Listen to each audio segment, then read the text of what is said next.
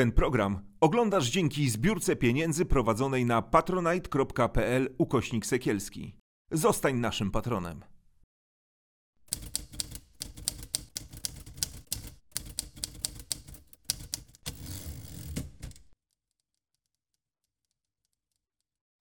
Damian Gruszczyński kolejne spotkanie z cyklu z innej strony. Na początek, jak zawsze, poproszę Państwa, żebyście nas wspierali na patronite.pl ukośnik sekielski, żebyście subskrybowali wszystkie nasze kanały, żebyście komentowali nasze kanały. My, my naszych gości prosimy o to, żeby w te komentarze czasami się wdawali. Wdawają się częściej niż, niż czasami. E, Prosimy o wsparcie dlatego, ponieważ, jak Państwo wiedzą, my nie pobieramy żadnego honorarium za e, nasze działania w ramach Sekielski Brothers Studio, tak jak żadnego honorarium nie pobierają nasi goście. A żebyśmy mogli funkcjonować i materiały przygotowywać i żebyśmy mogli zapraszać tak wspaniałych gości jak mój dzisiejszy, potrzebujemy Państwa wsparcia. Ale już zdradziłem, że mój dzisiejszy gość jest kimś szczególnym, bo jest kimś szczególnym. E, Jest na co dzień specjalistą chirurgii ogólnej i chirurgii onkologicznej, kierownikiem Katedry Chirurgii i Onkologii na Wydziale Lekarskim i Nauk o Zdrowiu e, Uniwersytetu Zielonogórskiego. Jest, ja jestem przygotowany w tym temacie. Jest kierownikiem Kliniki Chirurgii Ogólnej i Onkologicznej e, Szpitala e, Wojewódzkiego w Zielonej Górze, Uniwersyteckiego w Zielonej Górze, ale przy okazji też wojewódzkiego. Ale co najważniejsze, mimo młodego wieku, jest past, past prezesem Polskiego Towarzystwa Chirurgii Onkologicznej. Był prezesem w latach 2020-2022. Yy, Jest, był stypendystą European Society of Surgical Oncology w Bremen, był w Berlinie stypendystą. Mimo młodego wieku mógłbym tak wymieniać i wymieniać, powinienem powiedzieć, że jest autorem bardzo wielu prac naukowych, jest wybitnym pedagogiem, jest wybitnym e, specjalistą chirurgii, co widać na jego profilu. Poszukajcie Państwo. E, Tak, już powiem kto. Moim gościem jest pan profesor Dawid Murawa. Witam serdecznie Witam pana serdecznie. redaktora. Miło mi bardzo. Jeszcze raz. Z niczym się nie pomyliłem, mam nadzieję. Nie, nie. jak najbardziej prawidłowo, jak najbardziej Nic- prawidłowe. Nic nie dodałem. E, Mam takie pytanie e, na początek, ponieważ e, robiliśmy takie zestawienie, kto ogląda nasze, a kto ogląda w szczególności moje programy. I wyszło na to, że w okolicach 70% są to kobiety i w okolicach 70, w tych 70% e, ta sinusoida idzie tak, że e, z, e, oglądają mnie kobiety w wieku średnim i starszym. Gdyby przyjąć, że mamy 100 z naszych widzek teraz, to ile z nich zachoruje na raka piersi? Tak procentowo. Oczywiście co do jednej osoby się tutaj nie, do, nie dogadamy pewnie, ale jak to wygląda? To znaczy, ja powiem tak, panie redaktorze, ile zachoruje? No, to trudno jednoznacznie tak e, powiedzieć, natomiast potencjalnie w ciągu życia, jeżeli byśmy wzięli, że to jest Mhm. grupa 100 Tak. osób ocenianych, to w tej grupie, jeżeli byśmy mieli to bardzo uśrednić, to byśmy musieli wyjść z założenia, że te kilka osób, e, kilka osób zachoruje w grupie 100. No bo jeżeli weźmiemy pod uwagę, ile jest zachorowań na raka piersi, to jest najczęstszy nowotwór dzisiaj Tak. w populacji polskiej, europejskiej, Stanów Zjednoczonych, czyli tego świata zachodniego, tak? To między tym naszym światem, a światem e, typu Afryka czy Azja są Tak. pewne różnice w, w zachorowaniach na nowotwory. A rak piersi jest najczęstszym właśnie w grupie kobiet w, tej, w tym świecie zachodnim. W Polsce ubiegły rok to jest około 20 tysięcy zachorowań w populacji poniżej 40 milionów. I każdego roku minimum 20 tysięcy jest tendencja niestety wzrostowa liczby zachorowań, więc należy się spodziewać, że e, tych e, raków w skali roku będziemy mieć coraz więcej, bo jest to rzeczywiście taki nowotwór cywilizacyjny. I w związku z tym, no, relatywnie często się z nim spotykamy. Jeżeli weźmiemy grupę 100 osób, no to musimy założyć, że w takiej grupie 100 osób będziemy mieć kilka raków piersi w ciągu życia. W ciągu życia. No, w ciągu życia, ale mamy to, to jest zaledwie 100 osób. Właśnie, tak? no, więc tu mamy 100 jakby to, to, to przełożenie. W Polsce osób leczonych w danym momencie z powodu raka piersi, jeżeli 20 tysięcy zachorowuje w danym momencie, w danym roku, to leczonych w ciągu roku mamy grupę grubo ponad 100 tysięcy osób. To są na, na, różnych etapach, różnych etapach. na różnych etapach leczenia. Tak mniej więcej to wygląda. I to jest bardzo dużo. To jest bardzo dużo, bo jak porównamy sobie do innych nowotworów, to rzeczywiście ten rak piersi no jest mocno, mocnym dominantem, aczkolwiek no z drugiej strony jak spojrzymy na te drugie miejsce u kobiet, no bo to wiadomo, rak piersi to przede wszystkim kobiety, chociaż u mężczyzn też się to zdarza. O tym ostatnio też mieliśmy takie spotkanie z pacjentem, który się wypowiadał w mediach dosyć szeroko na temat jego choroby. E, chciał tak świat poinformować i słusznie, bo to rzeczywiście się zapomina, że rak piersi też u mężczyzn może być, tylko że on jest, to jest 1 do 200, tak? Tak. Mniej więcej, to jest taki przelicznik. Natomiast e, no, pamiętajmy, że zaraz za rakiem piersi jest to, co nam przyrasta w znacznie w dużym tempie i to są problemy duże e, lecznicze, bo to nie tylko chirurgia, ale także właśnie te inne dziedziny onkologii. To jest oczywiście rak jelita grubego, więc to mniej więcej tak to wygląda. Ale ten nieszczęsny rak piersi, no to jest 20 tysięcy i tu musimy o tym pamiętać. Czyli niestety, stety, niestety, y, powiem dlaczego y, stety zaraz. Tak. Y, większość, bardzo duża grupa z oglądających nas niestety jest y, na to narażona, a stety, ponieważ słyszałem taką ciekawą historię, y, jak y, kiedyś jeden z Twoich pacjentów, pacjentek Twoich powiedział, że była zszokowana tym, że powiedziałeś, że to bardzo dobrze, że to jest ten nowotwór, a nie inny. Tak. tak, tak. Ty, i, to, E, i, to jest co? stety, prawda? E, No właśnie, bo to, to jest, to jest e, tak, ważna informacja, bo my na to patrzymy e, jako lekarze w taki sposób, bo przychodzi pacjentka, Aha. czy pacjent, pacjentka, chory, chora. Generalnie e, wtedy jest taka dyskusja na ten temat, dobrze, patrzymy wyniki, patrzymy co jest, czego nie ma, tak dalej.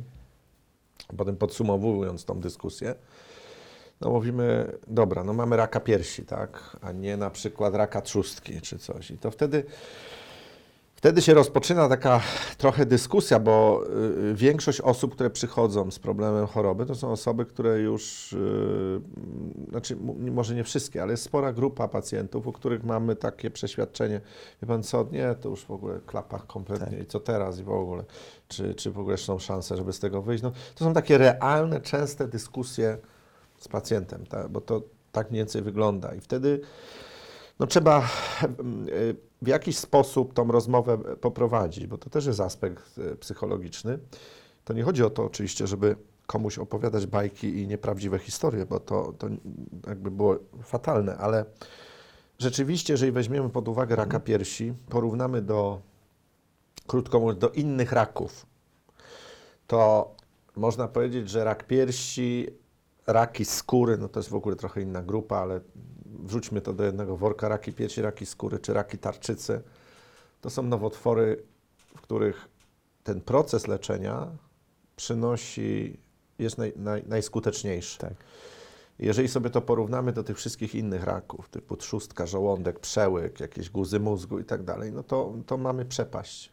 Jeżeli chodzi o możliwości wyleczenia, możliwości, nawet jeżeli nie wyleczenia, to wielu lat, to nie chodzi o to, że ktoś będzie żył z chorobą przerzutową rok czasu, tak jak w innych nowotworach, tylko tutaj y, mamy też przykłady pacjentek, które no niestety zgłosiły się z późnym rozpoznaniem choroby, jakim jest rak piersi, a mimo to, mimo że jest to choroba przerzutowa, czyli gdzieś są ogniska poza tym miejscem regionalnym, to są ludzie, którzy żyją na przykład, nie wiem, 7, 8, 10 lat, przewlekle z chorobą nowotworową. I, I to jest niesłychanie ważne. A z drugiej strony oczywiście mamy olbrzymią grupę pacjentów z wczesnymi rakami piersi, dzięki temu, że no jednak coraz bardziej w tym społeczeństwie rozpowszechniona kwestia tego, by, by się jednak badać. Ten, ten, ten, jest jakiś skutek społeczny tego, że my ciągle o tym mówimy, mówią różne znane osoby na ten temat tak dalej. Ten rak piersi jest nowotworem medialnym. To spowodowało, że no, poniekąd dzięki temu też pacjentki mają świadomość, że jednak jak dostają jakieś tam zaproszenie na tą mamografię, to idą. E, oczywiście byśmy chcieli, żeby jeszcze więcej chodziło, ale no i tak nie jest źle. No, do ginekologa chodzą, y, ultrasonografia piersi i tak dalej, to powoduje, że mamy relatywnie sporą grupę wczesnych raków piersi.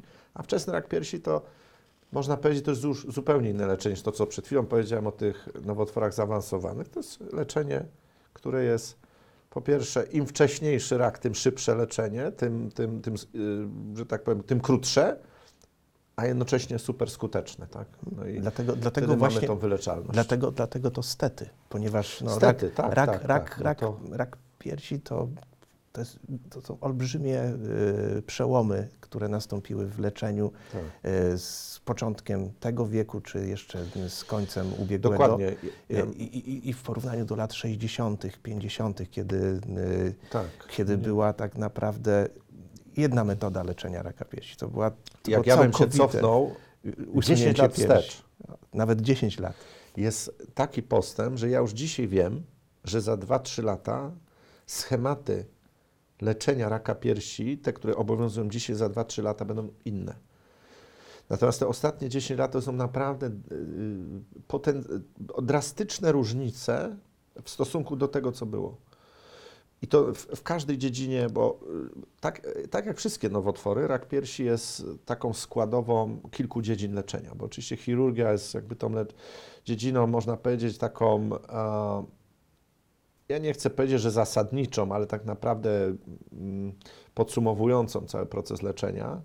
Natomiast, e, natomiast rzeczywiście mamy sytuację taką, że mamy i przecież chemioterapię, i mamy hormonoterapię, i radioterapię, techniki leczenia. Wrzucamy je do worka z chemioterapią, ale to jest tak naprawdę leczenie celowane, e, które troszeczkę jak gdyby się bierze pod uwagę, że to jednak jest niby chemia, a nie chemia, bo to tak trochę inaczej z punktu widzenia też e, mechanizmów działania. Ale to jest niesłychany postęp właśnie w onkologii klinicznej, w chemioterapii. Tam e, te możliwości zmiany leczenia raka piersi na przestrzeni ostatniej dekady to jest niebywały postęp. To są, to są, to są, to możemy długo o tym rozmawiać, bo to e, rzeczywiście jest niesłychanie ciekawe, no ale i wpływa oczywiście pozytywnie, niesłychanie pozytywnie na, na możliwości leczenia naszych chorych. I powiem, dlaczego jeszcze stety. Też Tak. wspomniałeś o tym w trakcie wypowiedzi. Stety dlatego, że metody diagnostyczne związane z e, rakiem piersi są stosunkowo prostsze niż przy innych nowotworach. Już na, na pewno prostsze niż przy raku trzustki. Bo Mhm. wielu ultrasonografistów nawet e, można powiedzieć, że zostaje się ultrasonografistą wtedy, kiedy e, ktoś umie trzustkę zauważyć. To mi profesor Lampe powiedział tutaj Mhm. swego, e, swego czasu. To w przy raku piersi no, w zasadzie już ta najprostsza metoda diagnostyczna jest najbardziej dostępna. Jest tak naprawdę dostępna i dla samych zainteresowanych, Mhm. i dla ich partnerów. E, Poukładajmy teraz to po, po, e, po kolei. Jak, jak można zdiagnozować w prosty sposób Dokładnie. To raka znaczy tak, ja powiem, y, może zacznijmy od tej kwestii takiej, że y, się zaraz cofniemy jakby do, do, do takiej bardziej podstawowych, ale ja bym zwrócił uwagę na jedną rzecz. Od dobrych iluś lat mamy w Polsce program screeningowy leczenia, diagnostyki raka piersi. Screening polega na tym, że badamy zdrowe osoby. Badamy zdrowe osoby nie dlatego, że oni mają objawy i, i coś się z nimi dzieje. Badamy dlatego, że wchodzą w pewien wiek i nic poza tym. I w związku z tym należy je zbadać. Dzięki takiemu programowi screeningowemu wykrywamy tak zwane nieme klinicznie, czyli absolutnie jeszcze niewyczuwalne zmiany właśnie w gruczole piersiowym. I dlatego ten screening, jakim jest mamografia po 50 roku życia w Polsce jest rzeczywiście rzeczą bardzo ważną. Ja niejednokrotnie słyszę takie teorie gdzieś tam powtarzane, ktoś komuś coś powiedział i potem pacjentka przychodzi, wie pan co, ale zrobiłam sobie ultrasonografię, ale tam to zaproszenie dostałem, to ja na to nie pójdę, mam ultrasonografię zrobiłam, to po co tą mamografię robić, bo to jest, mm, to jest szkodliwe. Więc gdzieś takie dziwactwa funkcjonują. A prawda jest taka, że screening mamograficzny powoduje, że my wykrywamy te raki, które są po prostu na poziomie 4-5 mm średnicy. Dzięki czemu, jeżeli wykrywiemy raka w takim stadium 5 mm, to w zasadzie leczenie jest niesłychanie krótkie, sprawne, bez utraty gruczołu piersiowego, z reguły bez chemioterapii. Kończy się na chirurgii, zaopatrzeniu chirurgicznym, czasami na hormonoterapii do tego i to jest całe leczenie. Więc a, o tym pamiętajmy. Więc screening mammograficzny po 50 roku życia w Polsce obowiązuje. Zgłaszalność do screeningu y, cały czas od lat, jak ten screening wchodził w Polsce, budzi kontrowersje, bo był ten okres, jak wprowadzano screening, były te wojewódzkie ośrodki koordynujące w Polsce e, i był niesłychanie taki napór na społeczeństwo. Ja pamiętam, nie, nieraz brałem udział w takich działaniach różnych, na prośbę różnych instytucji, by stymulować różnymi spotkaniami i tak dalej, dyskusjami medialnie i tak dalej, że korzystamy z tej mamografii. Ja mam takie wrażenie, szczególnie z tego całego okresu pandemii, ale już w zasadzie przed pandemią, że jak gdyby ta cała idea i koncepcja e, screeningu mammograficznego i tego nagłaśniania, e, e, wbijania, można powiedzieć, do głowy, że, że to jest i że to warto robić, że powinno się to robić, to jakby się trochę rozmyło. No ale to no niestety programy ogólnokrajowe czy dotyczące całej populacji, to są programy, które są koordynowane przez Ministerstwo Zdrowia. Nie, nie, nie ma innej opcji. To musi być centralnie robione.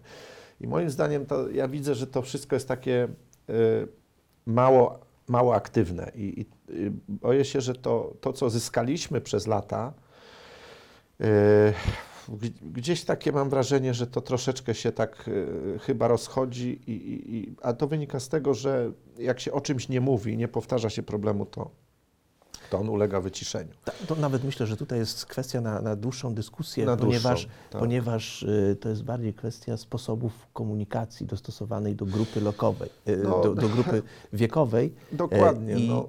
I, i- jedna, jedna bardzo ważna rzecz, bo dlatego chciałbym w naszym programie poukładać te, to, co się dzieje Tak, i co się tak. może wydarzać, Mhm.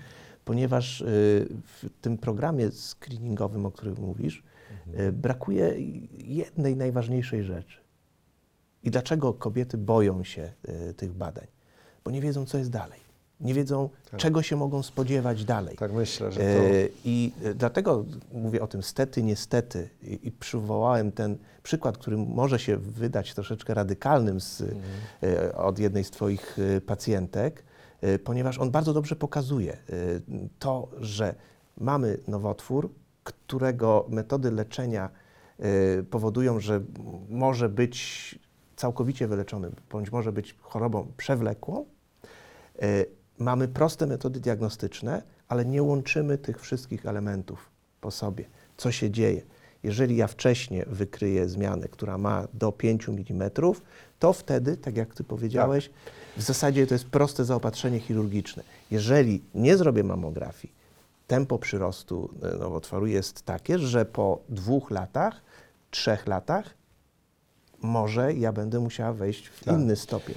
Brakuje Dokładnie. tych, tych, tych kropek. Dlatego mamografia jest jednym z y, programów. Jednym z. Jednym I, to, z. I to możemy podsumować w ten sposób. Wczesne rozpoznanie, dzięki temu wczesne rozpoznanie raka, to unikamy takich rzeczy jak chemioterapia, unikamy amputacji piersi. To są te pozytywy niesłychane tego Aha. działania. No i unikamy oczywiście tego, co najgorsze, czyli rozwinięcia się choroby do takiego etapu, że puszczą te komórki nowotworowe gdzieś, czy pójdą gdzieś dalej poprzez układ chłonny czy krwionośny i dadzą przerzuty. Tak. To już zupełnie inne leczenie jest, to zupełnie inna idea, inne postępowanie.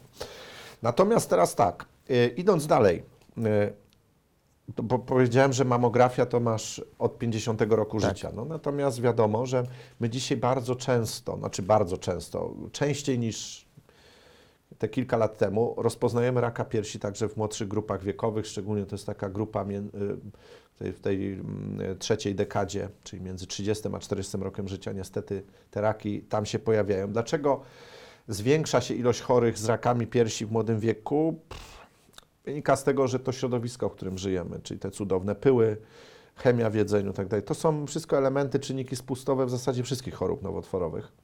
Jeżeli weźmiemy pod uwagę, że chociażby te e, e, pyły, które gdzieś tam są w powietrzu, mają pewne działania e, zbliżone do te cząstki pyłów do działań e, czynników hormonalnych, to to organizm bardziej wrażliwy będzie poprzez tą stymulację. No to, to są rzeczy, które my wiemy, że, że są i mamy na nie specjalnego wpływu, bo to nie da się pójść i jeść tylko zdrowo i nie oddychać tym, co jest e, dookoła Zwłaszcza nas. w bo to- Polsce. Tak. Zwłaszcza w Polsce, gdzie zalecano e, ostatnio, żeby palić wszystkim, tylko nie oponami. Ale w związku z czym e, to... Bo trzeba tą Polskę ogrzać. Bo trzeba Polskę, tak, Polskę trzeba ogrzać i potem niestety z jednej strony ogrzejemy, z drugiej nawdychamy. Ale y, w, w związku z czym, co, co teraz? Numer jeden od młodego wieku jest edukowanie. Uważam, że te, tego typu działania rzeczywiście powinny mieć miejsce, chociażby już na poziomie e, szkół. Czyli samo badanie gruczołu piersiowego. Najprostsze, najbardziej banalne. To, co e, powiedziałeś, e, rak trzustki schowany gdzieś głęboko e, w, w tyle jamy brzusznej, trudny diagnostycznie i tak dalej. Natomiast rak piersi, czy w ogóle guzy piersi, bo nie wszystko jest rakiem, Tak.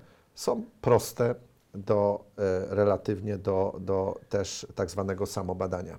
Oczywiście nie wykrywamy wtedy zmiany, która będzie mieć 5 mm, ale wykryjemy na przykład zmianę, która ma na przykład, nie wiem, 15 mm czy 1,5 cm w relatywnie niedużych piersiach. A to nadal będzie CHT1, czyli relatywnie wczesny nowotwór, jeżeli to będzie rak. Ale tak samo mamy inne zmiany w gruczole piersiowym, szczególnie w młodym wieku, to mamy mnóstwo zmian różnych łagodnych, szczególnie kruczołako-włókniaki, różne torbiele i tak dalej. Ale to też jest ważne, by e, w momencie, kiedy się coś wykrywa palpacyjnie, w młodym wieku oczywiście podstawowym wtedy badaniem jest ultrasonografia i wiodą do, do, do ultrasonografia i wtedy szybko do, do, do lekarza, który się tym zajmuje, radiologa, chirurga, onkologa czy, czy onkologa klinicznego do, w miejscu, gdzie są wykonywane badania ultrasonograficzne gruczołu piersiowego, bo zwrócę uwagę na jedną też rzecz. To jest taki problem, który, przed którym my trochę też e, stajemy i on ma takie swoje, e, swoje dwa punkty. Punkt numer jeden to jest taki, że ok, róbmy tego jak najwięcej, jak tylko można, tej ultrasonografii, ale punkt numer dwa, róbmy ją dobrze. Tak jak to we wszystkim jest. No i okazuje się, że ta ultrasonografia gruczołu piersiowego, skądinąd by ktoś powiedział bardzo prosta, no okazuje się, że taka do końca prosta nie jest. Czyli ultrasonografię gruczołu piersiowego trzeba umieć robić. Jeżeli ktoś nie umie, to niestety to jest kardynalny błąd i my tak na co dzień zajmując się pacjentami z rakiem piersi, no ja już nieraz miałem e, sytuację pacjentki, u której rozpozna, rozpoznawaliśmy raka piersi, gdzie pacjentka była uspokojona tym, że jest zmiana wyczuwalna, coś tam było jakieś badanie zrobione, ale no, przez osoby czy, czy w ośrodku, w którym gdzieś tam ktoś się nie specjalizuje w tym i, i z tego wynikają problemy, w związku z czym powiem w ten sposób, a, mm, częstym takim elementem jest, że pacjentka idąc do ginekologa, bo jednak do ginekologa pacjentka idzie i mówi, wie pan co, ale tu coś wyczułam w piersi, czy może pan mi jeszcze USG piersi zrobić? No niestety zwrócę uwagę, wielu kolegów, którzy się, się zajmują, gine, no, ginekologów, nie zajmują się chorobami piersi. Rzeczywiście to samo przyłożenie sondy i powiedzenie pacjentce, bo ostatnio miałem taką panią, której właśnie taka była historia, powiedziano torbiel. No tylko, że tam potem się jakaś zaczerwieniła skóra, coś się tam działo, pacjentka na nas trafiła, to nie była żadna torbiel. No, proces diagnostyczny wskazał, że niestety mieliśmy do czynienia z przeoczonym, można powiedzieć, rakiem piersi o co najmniej kilka miesięcy, dlatego że gdzieś ktoś po drodze powiedział, dobra jest, ale to jest nic złego. Nie? Więc o tym pamiętajmy, ale niemniej, konkludując, ultrasonografia niesłychanie ważne narzędzie, podstawowe narzędzie w, w młodej grupie wiekowej, a po 50 roku życia, tam gdzie powiedziałem o tym screeningu mammograficznym, mamografia łączona z ultrasonografią, jak gdyby to są te czynniki, które razem potem współdziałają i to tworzy jak gdyby cały proces, dobry proces diagnostyczny. No i samo badanie piersi. Najlepiej to też nie chodzi o, o to, żeby codziennie, Tylko w określonych dniach, prawda, cyklu. tak, to w ogóle To jest ważna takim rzecz. schematem najbardziej korzystnym, takim edukacyjnym to jest to, by to wykonywać mniej więcej o po, podobnym okresie raz w miesiącu. Najlepiej w tym okresie po, po, po miesiączce, gdzie y, po prostu y, y, pacjentka, znając swoje piersi, jest w stanie powiedzieć, że Holender czuje nagle coś, czego wcześniej nie czułam, tak? Bo, bo badałam to, nie wiem, miesiąc temu, miesiąc temu tego nie czułam, czy dwa miesiące temu te, tego nie czułam. To dlatego te, samo badanie gruczołu piersiowego, jeżeli jest wykonywane w taki sposób w miarę systematyczny, daje niesłychanie dużo informacji do tego, żeby dać tej pacjentce sposób myślenia, a teraz kurczę, muszę iść, bo coś tam się dzieje, trzeba zrobić ultrasonografię. Więc tak, tak mniej więcej to wygląda. Do, do którego dnia cyklu po? To znaczy tak, to znaczy u, generalnie to jest, uważa się, że to jest ten, ten okres tygodnia po, po, Tygodnia po, po. po, po tym, y, po, y, po miesiączce i, i, i w tym okresie rzeczywiście wykonujemy te, te, te badania gruczołu Tak, bo do, piersi w trakcie cyklu całego później Tak, z, zmieniają się tak, jeszcze. aczkolwiek ja powiem w ten sposób, to też to nie jest aż też taki dogmat. Jeżeli chodzi o samo badanie piersi, to aż takiego znaczenia ten, ta, ta kwestia cyklu nie ma. Ten, kwestia cyklu ma największe znaczenie przy badaniach e, też nawet nie ultrasonografii, nie mamografii. Tutaj takim badaniem, które jest mocno zależne od tej fazy cyklu i tam się na to zwraca chyba uwagę, moim zdaniem, to tak patrząc realnie, to, to, to jedyne, gdzie, gdzie to ma aż takie znaczenie, to jest rezonans magnetyczny.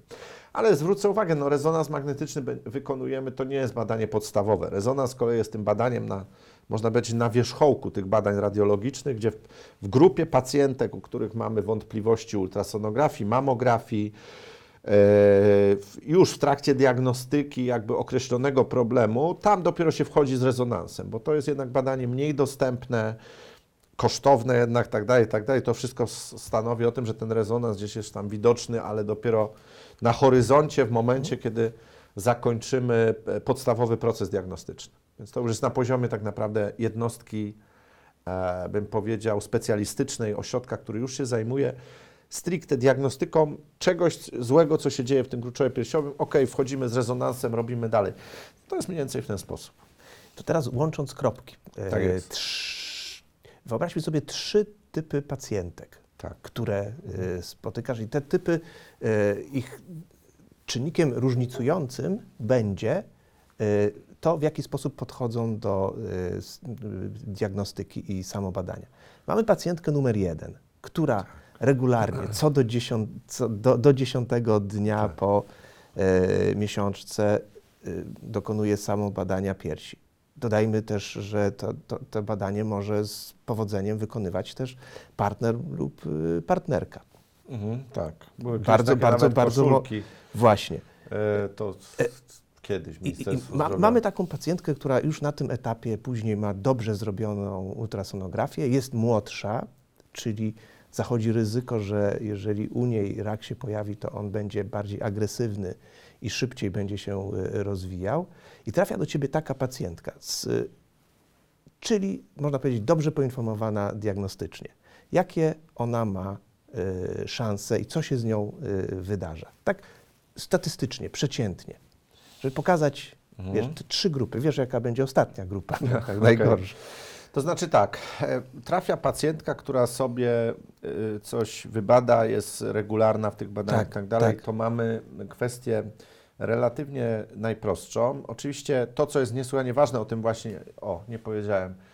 W tych wszystkich badaniach radiologicznych my teraz mamy dwa bardzo fajne systemy, bardzo proste. Jeżeli jest to wszystko realizowane przez ludzi, przez ośrodki, które mają dobre pojęcie o, o procesie diagnostycznym chorób piersi, to mamy, proszę bardzo, radiolodzy mówią nam tak.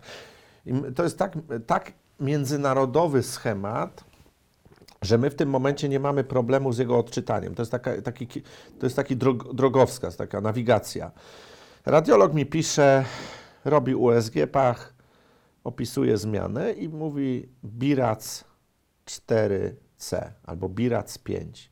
Międzynarodowa klasyfikacja radiologiczna chorób piersi, dotycząca zarówno ultrasonografii, jak i mamografii, jak i rezonansu magnetycznego. Wszystko, co jest od czterech w górę, to czwórka to jest pełne wskazanie do biopsji. Piątka to wskazanie do biopsji, ale już z sugestią, że radiologicznie jest to typowy obraz raka. Jeżeli mamy dwójkę czy trójkę w tym bilacie, to wiemy, że to jest grupa pacjentów, u których mamy typowe zmiany łagodne, nie ma wskazań do biopsji, do obserwacji. Koniec.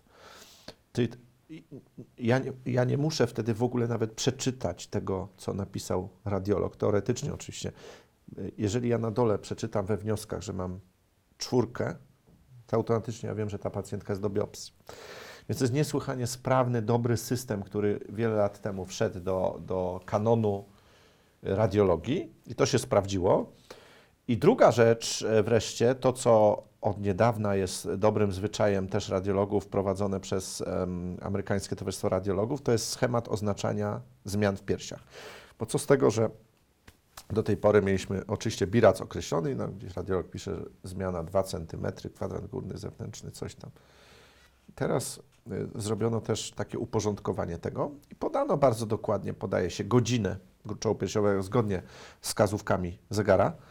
Podajemy kolejną klasyfikację, czyli e, dzielimy gruczoł piersiowy idąc od otoczki na obwód jako 1, 2, 3 i głębokość gruczołu od skóry do, y, w kierunku do mięśnia mamy ABC. Czyli w tym momencie na przykład mamy pierś lewa, godzina 11, dwójka, czyli gdzieś mniej więcej środek gruczołu piersiowego, e, C bezpośrednio przy mięśniu. Super schematy, naprawdę niesłychanie wygodne systemy. I to, to jest coś świetnego. E, Jeżeli są ośrodki, które pracują w tym standardzie radiologicznym, to naprawdę taki radiolog, który nam to w tak doskonały sposób opisuje, to jest skarb dla dalszych działań klinicysty. I tu jest zaleta bycia w pierwszej grupie y, tej, tych pacjentek. Przy stałym badaniu możemy trafić w wspaniałą siatkę y, metodologiczną, Tak, takiej po, pogłębionej diagnozy i Dokładnie. szybkiego działania. To jest to, jest to co ważne. I teraz oczywiście, jeżeli mamy po- podejrzenie, że jest czwórka, oczywiście, czy piątka w tym, tej klasyfikacji, z automatu pacjentka natychmiast idzie do biopsji. Do biopsji, którą dzisiaj się wykonuje, te systemy biopsyjne dzisiaj są tak e, doskonałe, że to są gotowe zestawy automatyczne. Chociaż to już jest biopsja raczej gruboigłowa niż Gruba, cienko. gruba. Tak. A o tej właśnie biopsjach też powiemy, bo to cały czas jest też temat e, Tabu. Tabu No. z jednej strony, z drugiej strony temat y, takich trochę problemów, ale to za, za chwilę. Natomiast tak, biopsja gruboigłowa, tych systemów biopsyjnych też mamy kilka. Y, oprócz klasycznej grubej igły mamy tak zwaną biopsję próżniową, to jest maszyna taka, gdzie pod kontrolą czy USG, czy mamografii wykonujemy takie systemy biopsyjne, które nam zmianę wysysają w całości. To są najczęściej sytuacje, kiedy zmiany są na przykład bardzo małe, albo zmiany są w takich mikrozwapnieniach, nie nadają się do zwykłej grubej igły, czyli do ukucia, pobrania materiału. Trzeba wyciąć fragment gruczołu piersiowego z tymi opisywanymi zmianami, żeby uzyskać sensowną ilość tkanki do badania histopatologicznego. Super sprawne, proste, dzisiaj działające w standardzie. Ja nawet ostatnio byłem, miałem takie wykłady w Seulu, mnie zaprosili do y, Azjatyckie Towarzystwo Ultrasonograficzne, miałem przyjemność prezentować tam te y, nasze osiągnięcia y, w temacie właśnie biopsji próżniowej. Cały świat poszedł w tym kierunku bardzo mocno, wymyśla się kolejne systemy, no ale powiedzmy ten standard jest bardzo prosty, oczywisty. I zaleta, że przy badaniu już Tak. diagnostycznym można się w przypadku małych zmian w tej metodologii ich pozbyć od razu. Dokładnie, to jest, e, to jest e, do, doskonałe, bo przy tych wszystkich systemach biopsyjnych zwrócę uwagę jeszcze jedną rzecz. Jak pobierzemy materiał, a mamy zmianę, która ma 5 mm, tak? I jednak jest zmianą na przykład w tym BIRAT 4, czyli mocno podejrzaną, ale też nie, Na granicy. na przykład nie do końca wiemy, że to na pewno jest rak Mhm. e, radiologicznie, no to w to miejsce, gdzie zrobiliśmy biopsję, dajemy znacznik. Te znaczniki dzisiaj są najczęściej jest tak, że te systemy igłowe do biopsji zawierają, te firmy proponują od razu też znaczniki, takie markery, różne substancje, to są hydrożele różne, czy tytanowe, czy ten, to się umieszcza w loży po wyciętym małym guzku, żeby było widoczne miejsce, gdzie ten proces się zadział. Bo jak wykonamy biopsję skuteczną i usuniemy malutką zmianę biopsją, to potem my nie wiemy, gdzie to miejsce, bo to nam się przesunie. Tak. Tu centymetr, tam. Ten znacznik ma być po to, żeby w kolejnych badaniach później móc dalej proces realizować. I wracając jeszcze do tej cienkiej igły nieszczęsnej. E, cienka igła to był wielki krok milowy w diagnostyce chorób piersi i raka piersi swego czasu.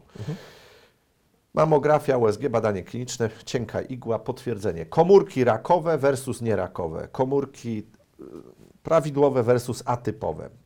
Gr- Cienka igła w, w porozumieniu z radiologią i z badaniem klinicznym y, był taki okres, gdzie tym podstawą do kwalifikacji pacjentów do zabiegów operacyjnych było tak zwane trzy razy tak.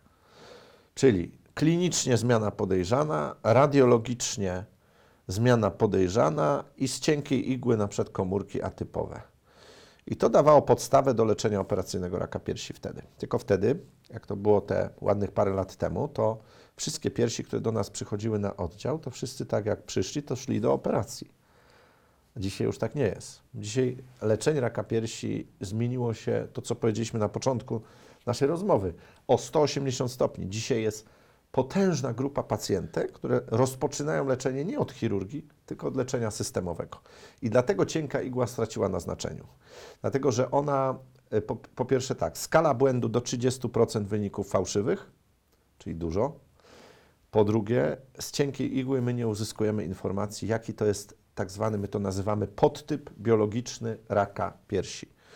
Czyli my wiemy, że dzisiaj rak rakowi nierówny. My mamy raka, który ma dodatnie receptory, jakieś jedne, Stąd terapie inne celowane. ujemne, to dodatnie, to ujemne i tak dalej. Stąd terapie celowane. I my dzisiaj na przykład wiemy, że nawet relatywnie małe raki piersi, ale tak zwane potrójnie ujemne, czyli tam, gdzie wszystkie możliwe receptory są na minusie, to są te najbardziej agresywne raki piersi, że ta pacjentka nie jest kandydatem do operacji, tylko nawet przy zmianach, y, na przykład 15 mm zmianie, na, w dużej piersi, zmiana niewyczuwalna, ale potrójnie ujemny rak piersi, nie jest kandydatem raczej do pierwotnej operacji, tylko jest kandydatem jednak do chemioterapii przedoperacyjnej i do operacji wtórnej. Dlatego gruba igła jest nam potrzebna, bo to jest większa ilość tkanki i my możemy uzyskać informacje właśnie patolog, oprócz tego, że nam powie komórka rakowa, tak, to on nam powie dokładnie typ raka i jego cechy biologiczne. I to jest ten postęp ostatniej dekady, przede wszystkim ostatniej dekady, m, gdzie, gdzie to się bardzo zmieniło. I się nadal zmienia, I się zmienia. bo wchodzą nowe leki. Korzyść jest taka, kolejna korzyść, że y, można dużo szybciej, jak Panie i Państwo widzą, zastosować odpowiednie narzędzia przy wczesnej diagnostyce y, i uzyskać to, o czym powiedziałeś, prawie że całkowite wyleczenie, o ile nie całkowite wyleczenie, Dokładnie. E, bądź no, tak naprawdę takie podejście jak podejście do choroby przewlekłej, co, co się w też innych nowotworach na szczęście dzieje, w innych się nie dzieje, tutaj się dzieje i bardzo, e, bardzo dobrze. E, Weźmy drugi typ pacjentki, bo ta, ta pacjentka Tak. często się bada e, od młodego wieku, w odpowiednim czasie, e, odpowiednio wcześnie przyjdzie, dobrze jest zdiagnozowana, to leczenie jest stosunkowo łagodne, stosunkowo Tak, tak łagodne trzeba i, przyjąć, i, i, tak i by się- łatwe. Prawda? Generalnie możemy tak powiedzieć. E, to, to, Drugi typ pacjentki to taka, która tak często niestety się e, nie bada. Mhm. Bada się raz na dwa lata, bada się od informacji w mediach do informacji w mediach. Co się u takiej pacjentki, jaka ścieżka może się wydarzyć? No tutaj niestety już się pojawia e, problem, bo mm, niestety y, rzadkie badania spowodują, że jednak między tymi badaniami może się rozwinąć choroba nowotworowa. E, Oczywiście to też nie chodzi o to, że ktoś się bada raz e, co miesiąc sobie robi non-stop badania, bo to, to, to Tak. też oczywiście no, można wszystko robić, tylko oczywiście to, to ultrasonografię możemy sobie powtarzać non-stop, bo to nie jest szkodliwe w żaden sposób. No, mamografii No, ale tak raz na robi. dwa lata, raz na trzy lata, No właśnie, się bada, e, to ale mamy teraz takie coś, bo mamografię mamy klasycznie raz na dwa lata. E, Dlaczego tak zrobiono? Dlatego, że screening e, ma sens wtedy, kiedy robiąc jakieś badanie, wykrywamy chorobę na relatywnie wczesnym stadium. To po pierwsze, a zatem e, możliwości leczenia radykalnego są szerokie. I teraz udowodniono, że a to zależy od kraju, bo w Polsce raz na dwa lata, w wielu krajach raz na dwa lata, są kraje, gdzie raz do roku,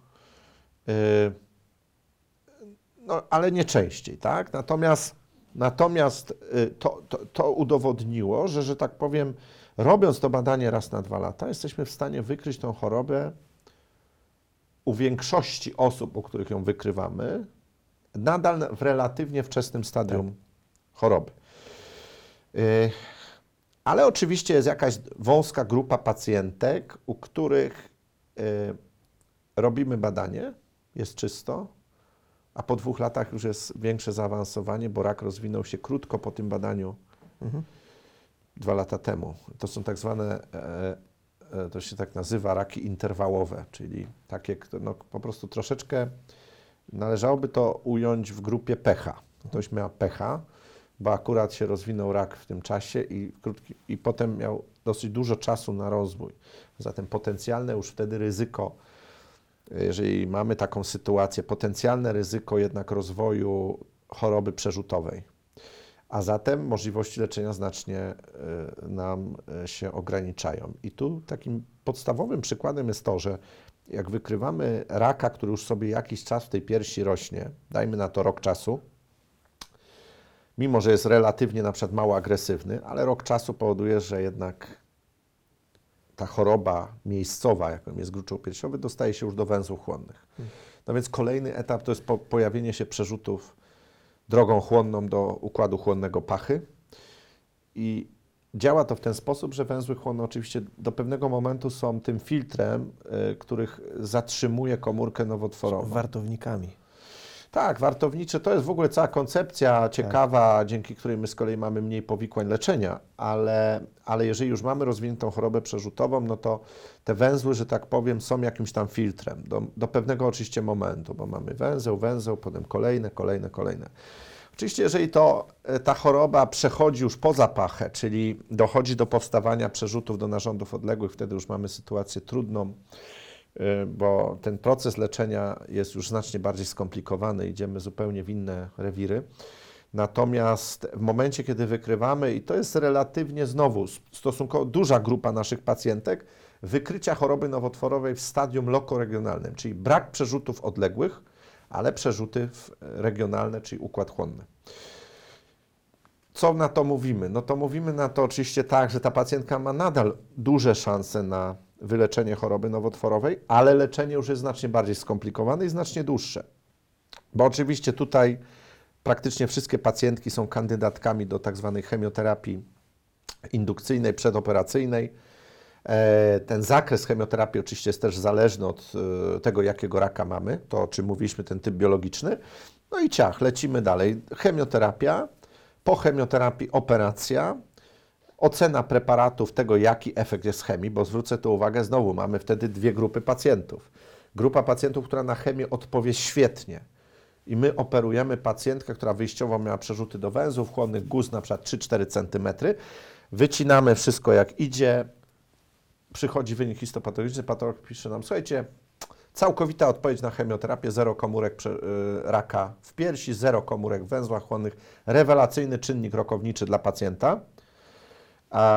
Albo druga grupa pacjentów, u których no niestety mamy informację od patologa, słuchajcie, no efekt działania chemii, bo oni to widzą pod mikroskopem, zwłóknienia i tak dalej i wtedy mogą powiedzieć słaba odpowiedź na chemioterapię. To jest niestety grupa pacjentów, no taka troszeczkę znaczy, trudna i, no, i niestety nieprzewidywalny przebieg dalszej choroby, mimo że my to usuwamy wszystko, ale jeżeli mamy informację, że chemia nie podziałała przedoperacyjna, to jest to y, no, zły czynnik prognostyczny, bo my niestety musimy się spodziewać, że te dziadowskie komórki nowotworowe gdzieś popłynęły i pytanie tylko gdzie i kiedy się pokażą. My się ukryli, W związku z czym, a, czyli tu mamy jakby te dwie grupy. No i potem po tym leczeniu operacyjnym, składając to wszystko e, w całość, czyli to, co mieliśmy przed operacją, badania diagnostyczne, wynik histopatologiczny po operacji, pach i mówimy, dobra, i co jeszcze w takim razie? Albo obserwacja, czyli badania kontrolne, albo dodatkowo na przykład radioterapia przy tych wyższych stopniach zaawansowania na węzły chłonne, na pierś, Albo jeszcze coś. Teraz wchodzą kolejne schematy chemioterapii, tak zwanej pooperacyjnej, w przypadku, kiedy nie ma pełnej odpowiedzi na przedoperacyjną. Czyli można powiedzieć tak, z jednej strony się coraz bardziej komplikuje, z drugiej strony, no, wszystko po to, by uzyskiwać nawet w tych grupach pacjentów lepsze wyniki leczenia. A to i tak nie jest jeszcze ta najtrudniejsza grupa pacjentek, bo tutaj e, jest one, one trafiają w tą sieć, która jest screeningowa, która jest tak ustawiona, żeby rzeczywiście e, statystycznie e, trafiać w te przypadki, które da się jeszcze wyleczyć. Pechem jest rzeczywiście ten rak interwałowy. On nie byłby pechem, jeżeli e, dokonywano by innych e, działań diagnostycznych, nie licząc tylko na mamografię, po 50 roku życia, prawda? Tak. Jeżeli się e, nie mylę. Ale jest też trzeci typ pacjentek, bardzo częsty w Polsce, niestety, to wiem, ty to wiesz, ty to wiesz najlepiej chyba z No, wszystkich. No właśnie. To są właśnie. pacjentki, które e, przychodzą wtedy, nie badają się w ogóle e, i przychodzą wtedy, kiedy zmiany są już tak zaawansowane, No. nie mówią o, niej, o nich bliskim, bo się wstydzą, bo to jest mimo wszystko temat tabu. Nie mówią o, boją się dowiedzieć tego, że to może być coś niebezpiecznego i przychodzą do lekarza już z zaawansowanymi, rozbudowanymi zmianami nowotworowymi, zarówno miejscowymi, jak i rozsianymi. Jaka jest szansa dla takich pacjentek? Widzą Państwo No i Panie właśnie. po To minie, że jest, jest, jest chyba to jest Ale powiem tak, sytuacja. znaczy, p- patrząc na to realnie, jak w tej naszej rozmowie, szukajmy pozytywów. Szukajmy pozytywów, bo jakbyśmy się cofnęli znowu tę te, te, te, pan- tą dekadę wstecz i kawałek dalej jeszcze, to rzeczywiście byśmy musieli zakończyć na takiej minie e, nieciekawej. A teraz mamy jednak to, co powiedziałem, ten postęp powoduje, że my Holender mamy co super jest, pacjentki, które zgłaszają się do nas w momencie rozsiewu choroby nowotworowej, tak? E, przerzuty w wątrobie, w kościach, w płuca, obojętnie gdzie. A mimo to udaje się te pacjentki prowadzić w sposób skuteczny. E, oczywiście tu chirurgia, i to zwrócę uwagę, ta chirurgia, która ma największe znaczenie we wczesnych stadiach leczenia choroby nowotworowej, ona w tych późnych stadiach y, praktycznie staje się najmniej ważną dziedziną. Tutaj numer jeden, absolutnie, i to jest ten postęp technologii a, leków celowanych, to jest onkologia kliniczna i chemioterapia, immunoterapia, właśnie leki celowane. To, to, to powoduje, że my dzisiaj mamy niebywałą grupę pacjentów w sensie ilości, pacjentów, których by nie było, no, musimy to powiedzieć, gdyby nie to, że ten postęp jest. E, Na dzień dzisiejszy praktycznie we wszystkich typach raka piersi, tych typach biologicznych, pojawiają się nowe leki celowane, dzięki którym udaje się wycofywać zaawansowaną chorobę nowotworową. Takim sztandarowym przykładem to są tak zwane powszechnie wśród pacjentek z rakiem piersi jest takie hasło, że ktoś ma raka HER2 dodatniego, tak? Czyli e, e, rak, który ma to białko HER2 na plus. No i na, tego, na to białko HER2 mamy obecnie już kilka leków celowanych, hamujących proces nowotworowy. I muszę powiedzieć, że tak jak my w chirurgii w zasadzie styczności z tymi pacjentami gdzieś tam na etapie leczenia nie mieliśmy do niedawna w ogóle, to teraz mamy. Ja y, teraz na świeżo, jedna z moich rezydentek przygotowała taką, e, taką zbiorczą e, jakby informację na temat chorych, u których, których my leczymy, ponieważ leczymy też dużo pacjentów w ogóle z chorobą przerzutową do wątroby. I trochę w tym ośrodku moim się w tym y, zaczęliśmy od dłuższego czasu już specjalizować, to mamy sytuację taką. Osiem pacjentek na przestrzeni, ktoś powie mało, ale ja powiem, że to nie jest mało, to jest bardzo dużo. Osiem pacjentek na przestrzeni ostatnich trzech lat. Y, wątroba leczona chirurgicznie z powodu przerzutów raka piersi. Jakbym się cofnął ileś lat wstecz, to takich pacjentów nie było w ogóle. Dlaczego są? Dlatego, że to są pacjenci, którzy się po, pojawili w momencie tego postępu onkologii klinicznej.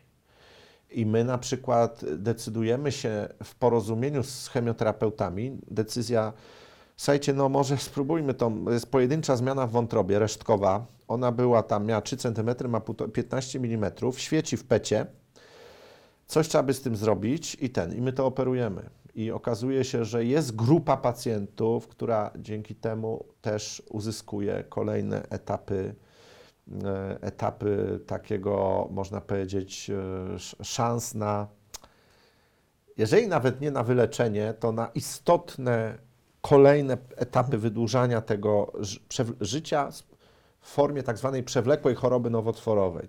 To jest nie, niebywałe, bo pojęcie przewlekła choroba nowotworowa do niedawna to w ogóle nie funkcjonowało. My się dzisiaj w tym obracamy dosyć często w różnych chorob, e, różnych nowotworach, bo pacjenci, mimo że my wiemy, że są nieuleczalni, bo, bo tego jest za dużo tych, tego nowotworów w tym naszym organizmie i są przerzuty do różnych narządów, nie żyją trzy miesiące, tylko żyją na przykład latami. To jest, to jest ten niebywały postęp. I tu jeszcze na jedną rzecz zwrócę uwagę. Mianowicie, to też jest ważna rzecz i o tym powinniśmy pamiętać. To czasami gdzieś nie funkcjonuje. Ja się spotykam z pacjentem, mówię, Holender, no a kiedy ostatnio była pobrana tkanka z przerzutu? Bo pacjentka jest na przykład leczona trzeci rok i zaczyna się coś dziać, że leczenie, które do tej pory było stosowane, przestaje działać. Coś się zaczyna dziać negatywnego.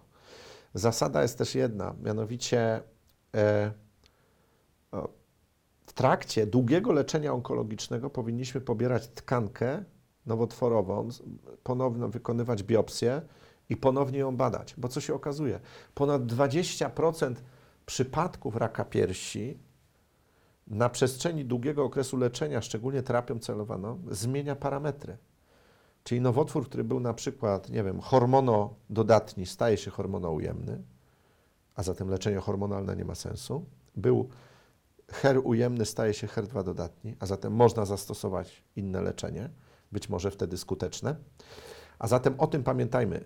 Tak zwana konwersja tkanki nowotworowej, czy konwersja e, parametrów tego raka. I o tym pamiętamy, że e, jeżeli leczymy kogoś latami, to pamiętajmy o tym, o tym, żeby weryfikować tą tkankę nowotworową kolejny raz. Bo to jest ważne. Widzą Państwo, jak dużo jest Voilà.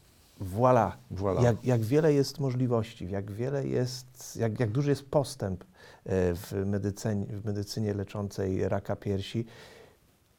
Podstawowym warunkiem, żeby trafić w ten schemat jest to, żeby się badać. I jeżeli mielibyśmy o cokolwiek Panie, Państwa prosić w ramach naszej rozmowy, to o to, żeby nie unikać badań, Tak jest. Nie bać się. nie bać się. Nie, badania nie szkodzą. Badania nie szkodzą, Nie szkodzą. a mogą naprawdę uratować życie. Y, To na pewno nie jest nasza ostatnia rozmowa, ale tą na dzisiaj już y, pozostawimy Państwu do rozważenia. Jeżeli mają Państwo jakieś pytania, sugestie, zapraszamy. Y, Na YouTubie można w komentarzach wskazać swoje pytania, rozważania, wątpliwości. Zajrzysz tam? Oczywiście. Oczywiście. Tylko kiedy?